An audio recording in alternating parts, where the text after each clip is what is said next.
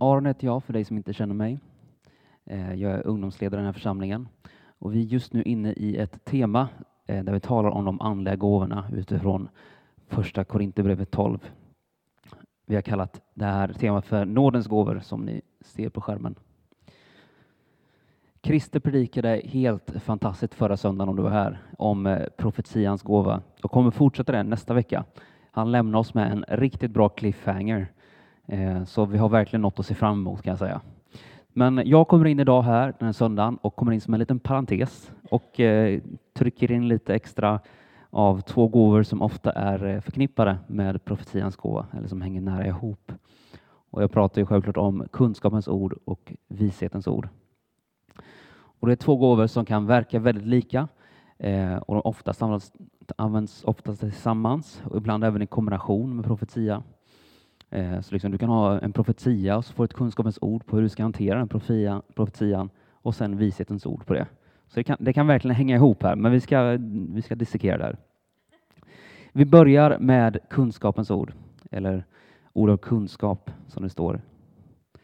Eh, vår vanligaste erfarenhet är kanske att vi, som vi har i svensk kyrklighet, att kunskapens ord är något som vi går upp på scen och läser upp Eh, en massa åkommor som vi tror att Gud säger att han vill hela. Känner ni igen det? Har ni varit med om det någon gång? Jag har gjort det ett antal gånger här i den här kyrkan också. Eh, och det är absolut ett sätt man kan göra. Alltså att man ber för någonting och känner att Gud säger att det här ska vi be för idag. Det här vill jag göra. Eh, men det finns mycket mer än så som Gud vill att vi ska få, få bli aktiverade i. Och precis som profetior så när vi delar kunskapens ord och vishetsord, i alla fall kunskapens ord, så ger vi det med en öppen hand och låter mottagaren pröva det. Alltså kollar om det här stämmer överens med Bibeln och kollar om det stämmer överens med vad jag är just nu. Liksom, är det här rimligt att Gud säger det här till mig just nu i den här situationen i mitt liv? Christer tog exemplet förra veckan, liksom att om, om han får till sig att, skick, att han tycker att Evelina ska åka till Grönland och vara missionär, men Evelina har aldrig haft en tanke på att vara missionär i Grön, på Grönland, så kanske inte det är så rimligt. Ni förstår vad jag menar. Är, man prövar det man får till sig, som någon andra ger. Men det kan vara så mycket mer än så, kunskapens ord, mer än bara en massa åkommor som vi rabblar upp. Jag ska ge er en liten klinisk ordboksvariant på en definition av det här. Och den kommer från författaren och pastorn David Pitches. Detta är en övernaturlig uppenbarelse av fakta, alltså kunskapens ord, om en person eller en situation som man inte kan få genom att använda sina naturliga sinnen. Det är en kunskap som det behagar Gud att ge för att avslöja den sanningen som Anden vill göra känd beträffande en viss person eller situation. Och Jag vill också lägga till det här att kunskapens ord, men också alla andra gåvorna, i förlängningen är till för att förhärliga Sonen, alltså Jesus. Eftersom Anden är till för att förhärliga Jesus och Jesus förhärligar Gud, Fadern. Eh, därför är också gåvorna till för att förhärliga Jesus i slutändan. Vi kommer kolla på exempel på det sen om en liten stund. Eh, det jag vill göra idag är att vi ska kolla på hur Jesus jobbade. Det låter väl bra? Han är ändå vårt exempel, vår förebild, det är honom vi ska bli lika. Eller hur? Inte Paulus, inte Petrus, det är Jesus. Ibland tycker jag faktiskt att vi lyssnar lite väl mycket. Vi läser lite väl mycket Paulus, Petrus, apostlar, när det egentligen är Jesus vi följer. Ibland skulle vi bara kunna läsa evangelierna och se hur gjorde Jesus i sådana här situationer? Hur agerar Jesus? Och bara göra som han gör egentligen. Och vad är grundläggande? Han älskar människor. Och som en vis man en gång sa. Han måste bli större och jag mindre. Och vem var det som sa det?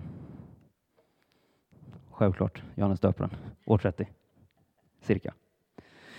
Vi ska kolla på lite exempel nu. Om du har din bibel med dig eller om du har en smartphone, slå upp Johannes evangeliet kapitel 4.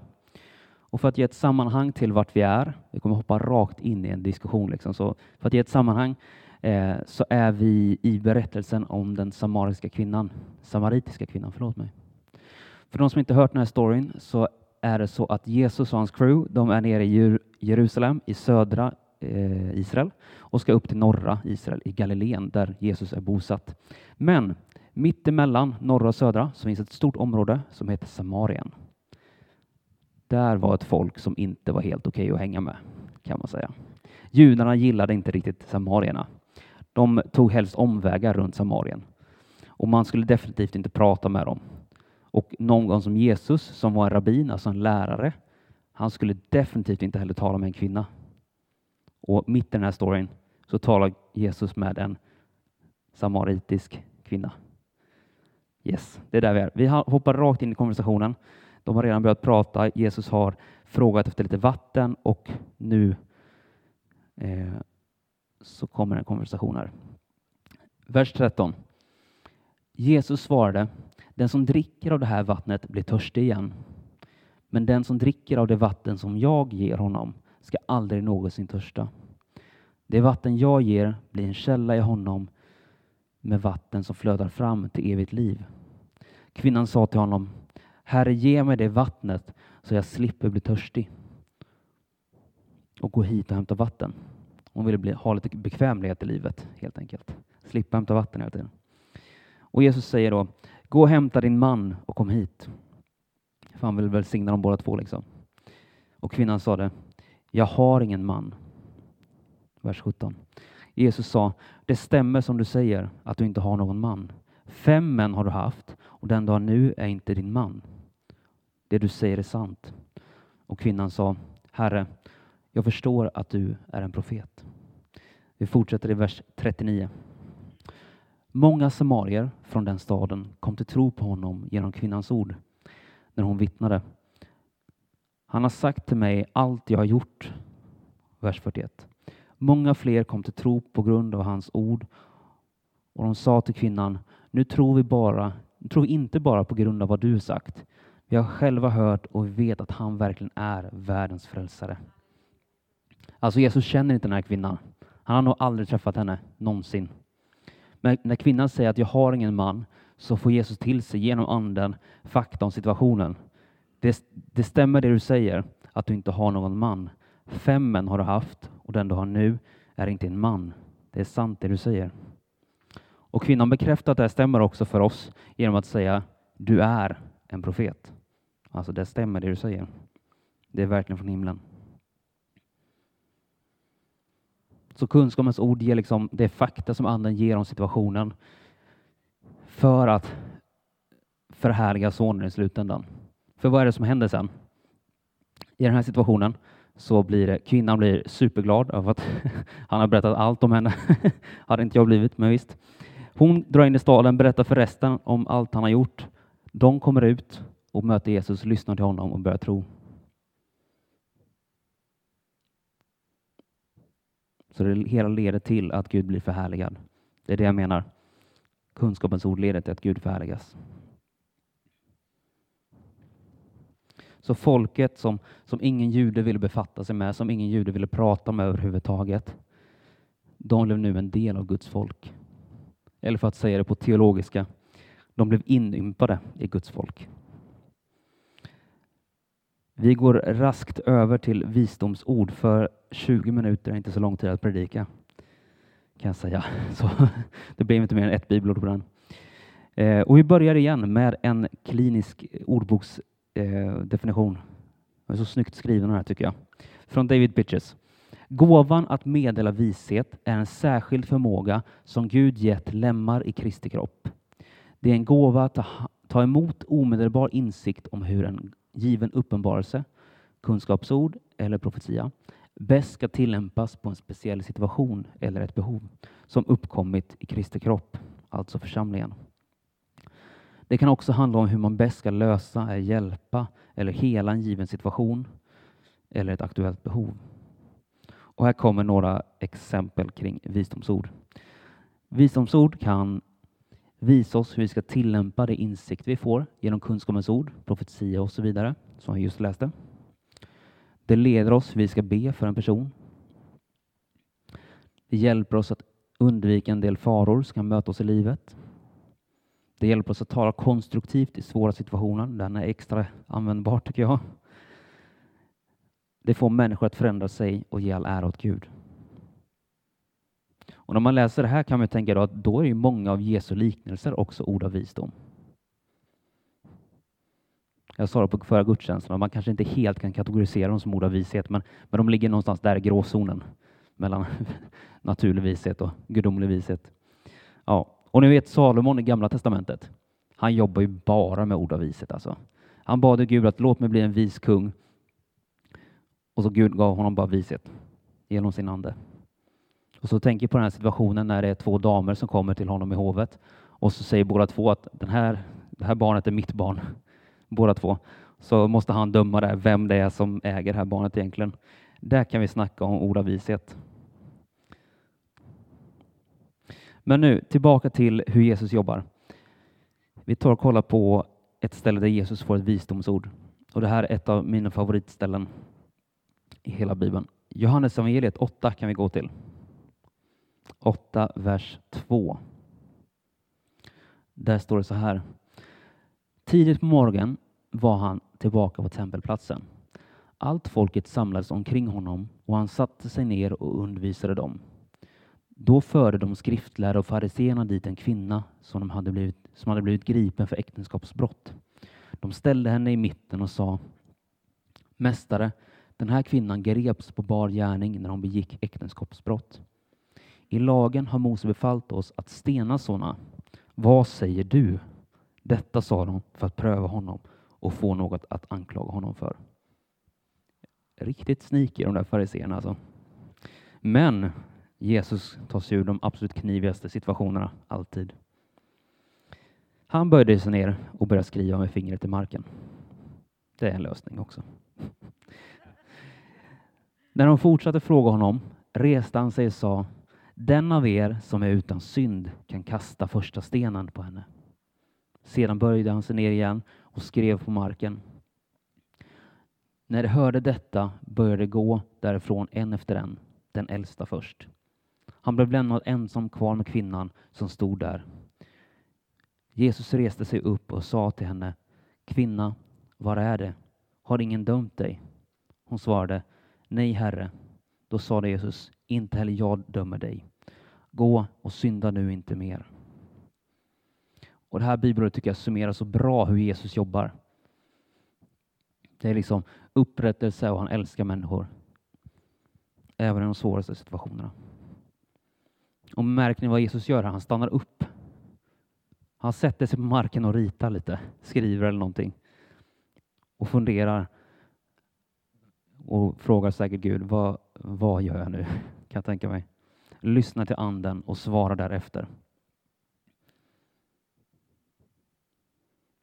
Och Det här är vårt exempel som vi ska följa. Och han, han kommer ut de absolut knivigaste situationerna och får fariséerna att skämmas gång på gång på gång. Och det här är någonting vi kan ta del av, som vi kan få del av. För jag tror att Gud vill verkligen, när vi har den här situationen, när vi har den här predikoserien, så tror jag verkligen att Gud vill att vi ska få del av de här gåvorna, att vi ska börja bli aktiverade i det. För det finns tillgängligt för oss. Gud vill förse oss med det här. Gud vill utrusta oss med det. Och det är inte så mycket en gåva som du besitter som att du är lyssnande bara och låter anden tala.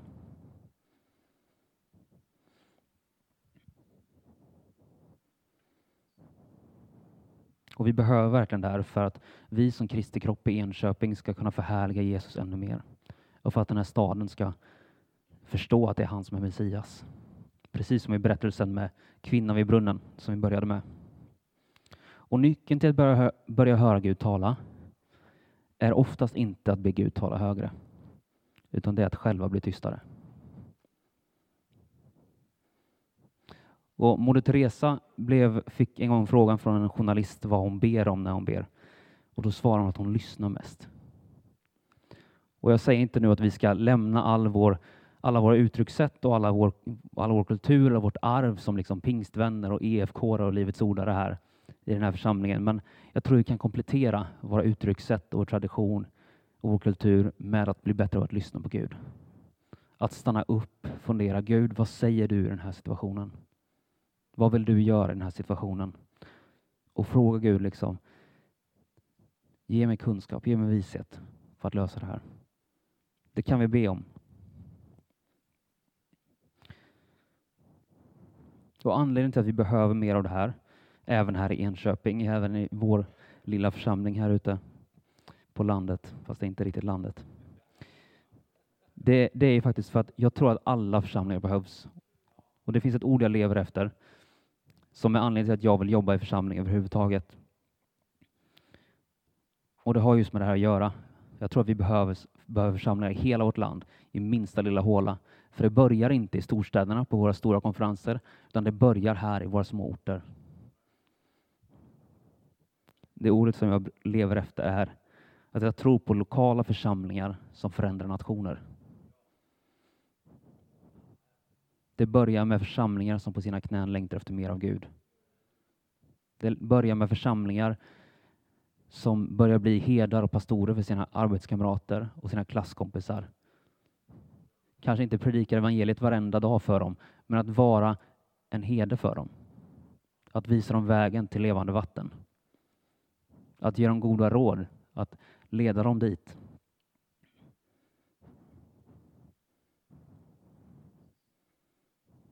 Lovsångare, ni kan hoppa upp. Jag skulle vilja att vi gör så här nu.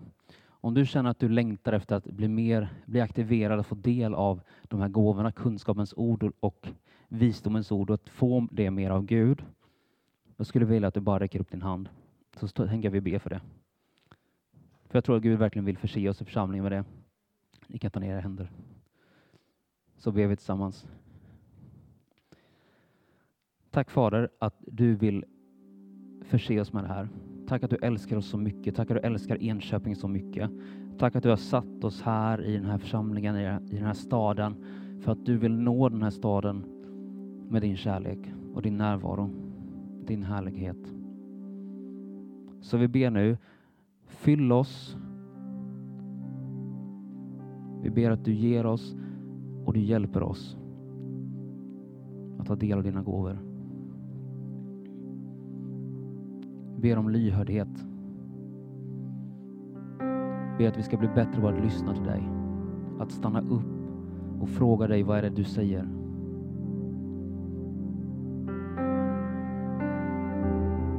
Lär oss att lyssna till dig. Lär oss att tala det du talar. Lär oss att se det du ser. Lär oss att bli mer lika dig.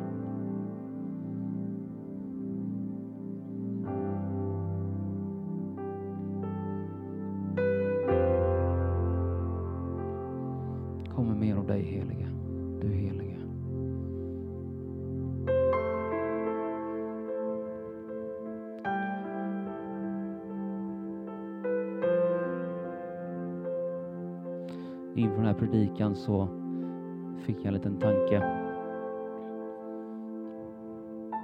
Att det här med att bli lik Jesus och det här med att hänga med syndare,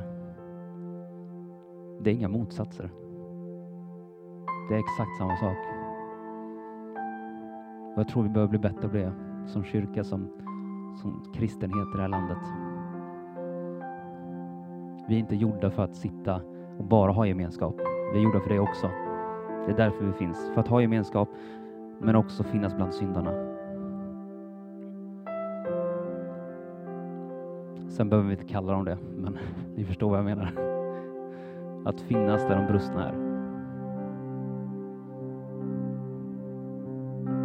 Hörrni, vi, vi lovsjunger en stund till och sen ja, vi stannar upp inför Gud en stund.